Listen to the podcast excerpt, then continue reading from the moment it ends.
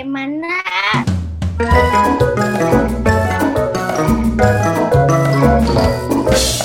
Halo teman-teman kumpul, bagaimana kabarnya? Semoga selalu sehat dan bahagia ya. Ketemu lagi nih kita. Untuk yang baru bergabung, salam kenal. Namaku Karishel. Aku yang akan menemani teman-teman kumbo di sini. Di episode kali ini, aku mau memutarkan rekaman wawancara teman-teman reporter cilik yang beberapa waktu lalu berkesempatan untuk ngobrol-ngobrol seru dengan Ibu Ratna Riantiarno.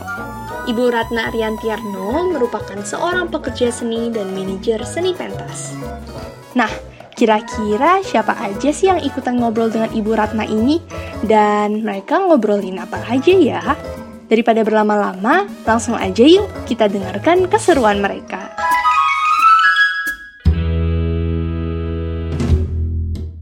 Selamat sore semuanya, selamat sore Ibu Ratna. Selamat sore. Ibu hari ini kita sekitar ada nanti ada 10 teman-teman reporter cilik yang akan menanyakan ke Ibu kurang lebih kayak gitu mereka udah ada pertanyaan jadi nanti setelah ini langsung aku serahin ke Trias buat mandu acara sore ini Oke. Trias dimulai ya Oh ya, nama saya Galuh Bonesaki Aisyah, biasa dipanggil Galuh. Saya berumur se- 12 tahun, berasal dari kota Bogor, Jawa Barat. Halo Bu Ratna, aku Kuinsa, umurku 11 tahun, aku dari Pangkal Pinang. Halo Ibu, nama saya Ursula. Saya umur 10 tahun, kelas 5 SD. Halo Ibu Ratna. Perkenalkan nama saya Nikola, umur saya 7 tahun, kelas 2 SD. Selamat sore Bu Ratna, aku Farah, umur aku 10 tahun, tinggalnya di Cibubur. Halo, nama aku Tria, umur aku 10 mau 11. Aku mau bacain profilnya Bu Ratna ya. Oke. Ratna Riantiarno, ibu tiga anak yang berprofesi sebagai pekerja seni dan manajer seni pentas ini lahir di Manado tanggal 23 April 1952. Jadi Ibu Ratna ini tahun ini udah berumur 69 tahun. Semula mengenal dunia kesenian lewat seni tari. Dengan menari, dia sempat berkeliling dunia. Main drama pertama kali di teater kecil dalam lakon Kapai Kapai pada tahun 1970 dengan sutradara asal Cirebon yang dia anggap sebagai guru teaternya. Dialah Arifin Cenur. Bersama suaminya, Bapak Nanoriantiarno, mendirikan Teater Koma pada tanggal 1 Maret 1977.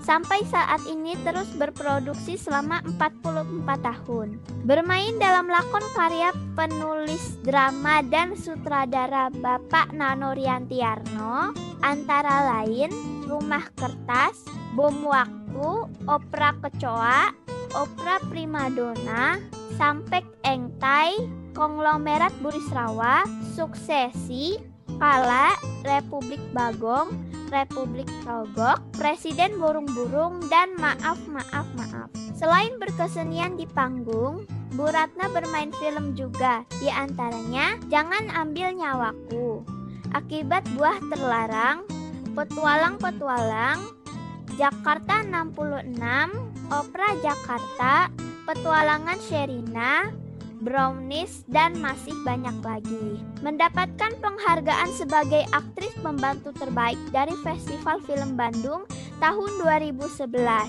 untuk perannya di Get Married 3 dan meraih Piala Vidya tahun 2012 untuk perannya di FTV Pahala Terindah sebagai aktris terbaik.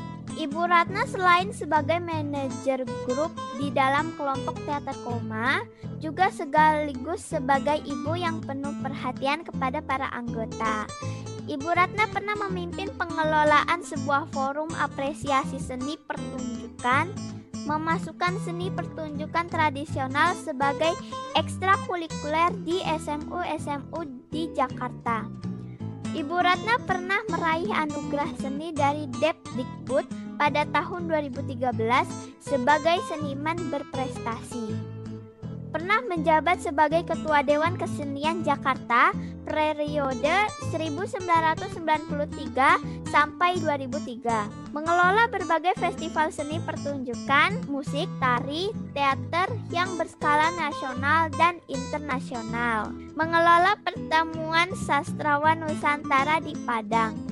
Festival Teater Indonesia di Solo dan Yogyakarta dan musyawarah Dewan-Dewan Kesenian se-Indonesia di Medan dan Makassar. Ibu Ratna mengelola sebagai kolaborasi seni pentas antara lain PRISM yang mementaskan hasil kolaborasinya di Tokyo, Bangkok, Kuala Lumpur, Singapura, Manila, dan Jakarta.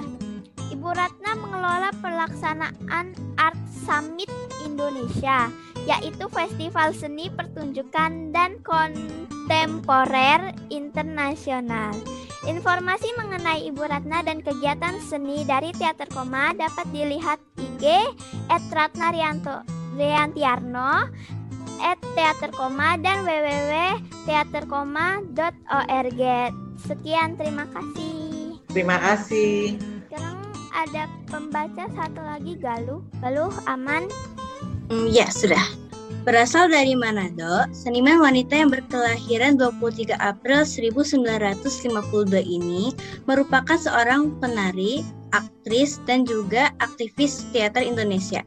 Ibu Ratna Riantiarno pernah mendapatkan penghargaan 72 Indonesian Inspiring Woman pada tahun 2017 versi Woman Obsession karena membangun teater koma dan berupaya menjaga kelestarian teater tanah air hingga ke mancanegara. Bersekolah di SMA 3, film yang mencuatkan nama Ratna ini di antaranya adalah Petualangan Sherina pada tahun 1999, Brownies pada 2004, Get Married 3 2011, Jokowi pada 2013, Habibie dan Ainan 2013, hingga yang terbaru Love for Sale 2 pada tahun 2019. Film debut Ratna berjudul Jangan Ambil Nyawaku yang tayang pada tahun 1981. Usia tidak menghalangi kreativitas. Begitulah ungkapan yang tepat ditujukan pada sosok Ratna Riantiarno.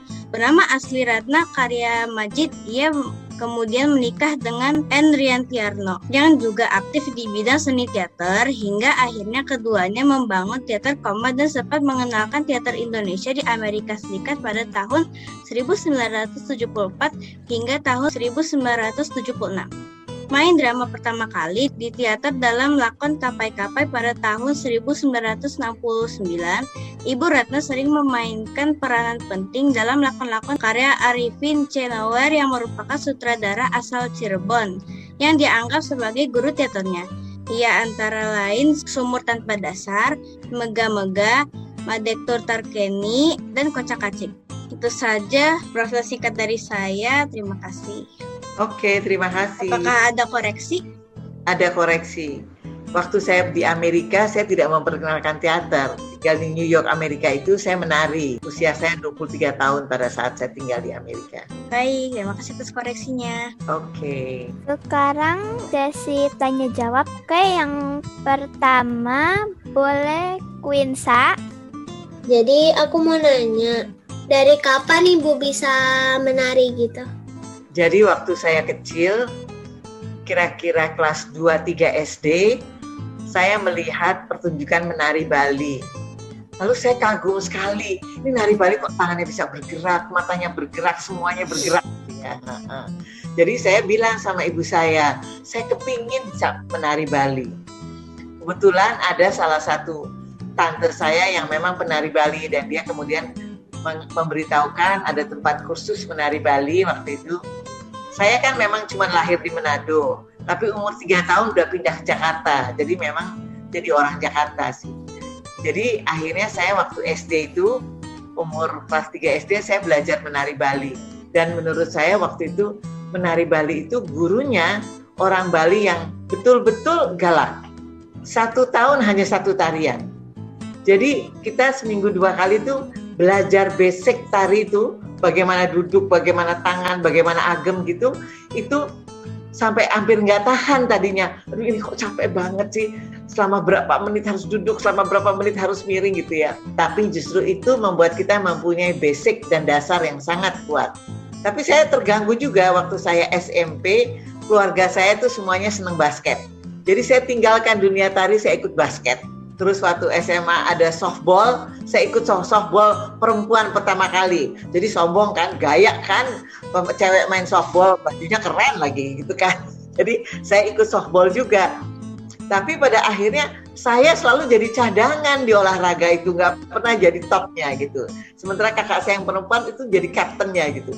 Jadi saya selalu diketawain, kamu nih kalau lagi lari, lari apa nari sih katanya gitu. Jadi saya akhirnya waktu saya SMA saya memutuskan saya balik menari lagi. Jadi kemudian saya menari lagi. Kenapa saya menari lagi? Karena saya lihat teman-teman saya nggak pernah berhenti menari dia akhirnya udah ikut misi kesenian ke luar negeri. Terus saya bilang nah saya tuh tolol banget sih pakai olahraga.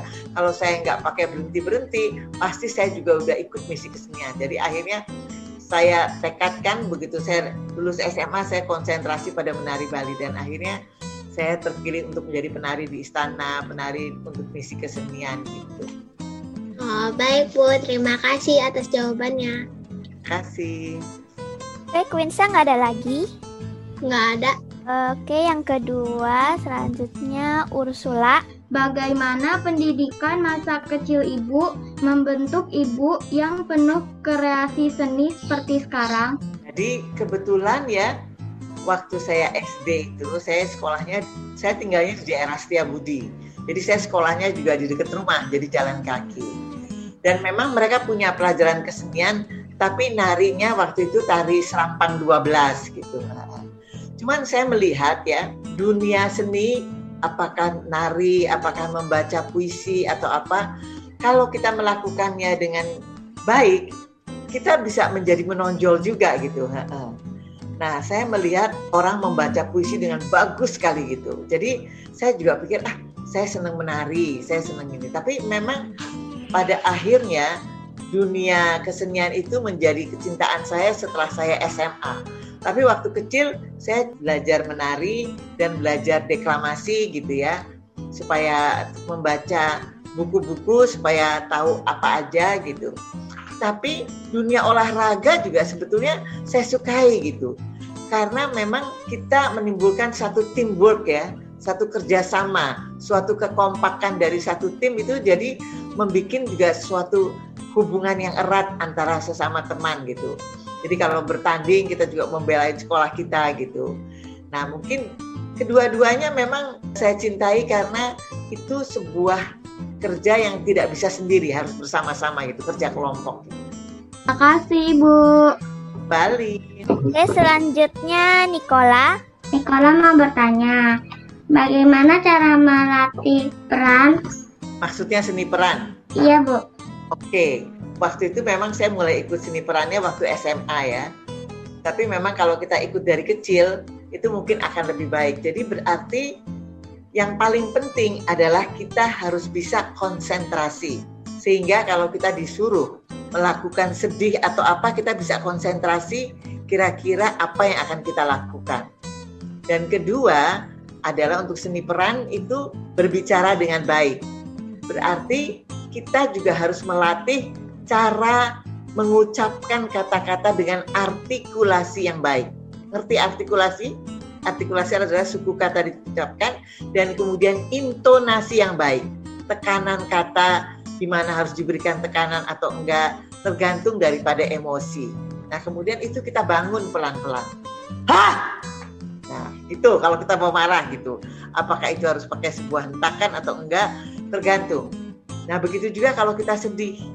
Kesedihan seperti apa yang kita inginkan. Nah, itu semua membutuhkan sebuah konsentrasi. Konsentrasi itu memang harus latihan. Jadi kita nggak terganggu sama orang lain, walaupun di tempat ramai kita konsentrasi kita harus bisa. Begitu kira-kira Ursula, Nicola. Terima kasih Bu. Ya oke okay. selanjutnya Farah, Farhaman. Aman kok aman. Oke. Okay.